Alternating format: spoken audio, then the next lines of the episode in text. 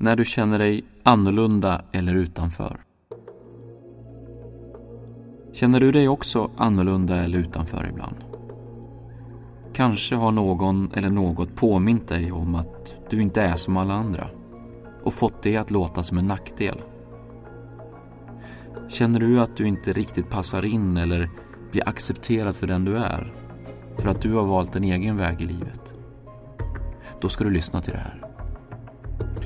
Vissa har nämligen aldrig känt behovet av att gå i flock. Vissa umsar hellre skinn och börjar om än att fösas in på en redan upptrampad vandringsled. Vissa har aldrig tillhört något lag. Aldrig följt en trend bara för att skocken rusat åt det hållet. Aldrig lyssnat okritiskt till någon bara för att de har en megafon. De här människorna har svårt att rätta in sig i ledet. De har problem med att klappa i takt. Inte på grund av brist på taktkänsla, utan för att de inte trivs i det sammanhanget. De kan inte tvingas in i en redan stöpt mall. De tilltalas inte av de måsten som andra vill trycka ner i halsen på dem. Massans lockrop biter inte.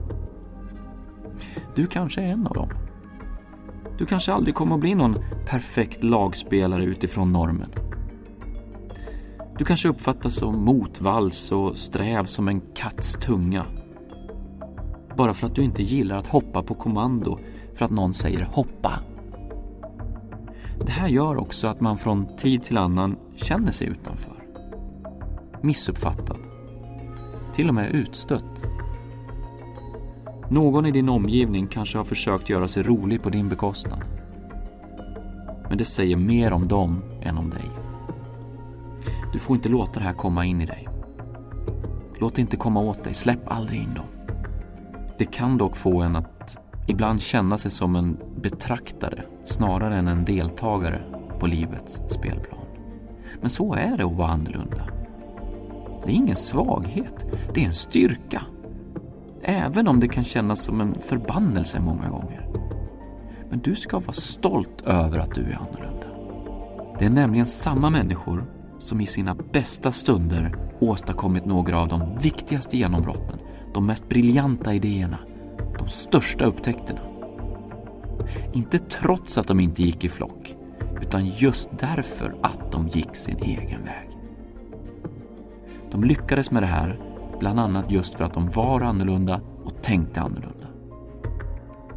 Så ta vara på den här färdigheten. Skriv din egen bok. Vinn din egen tävling.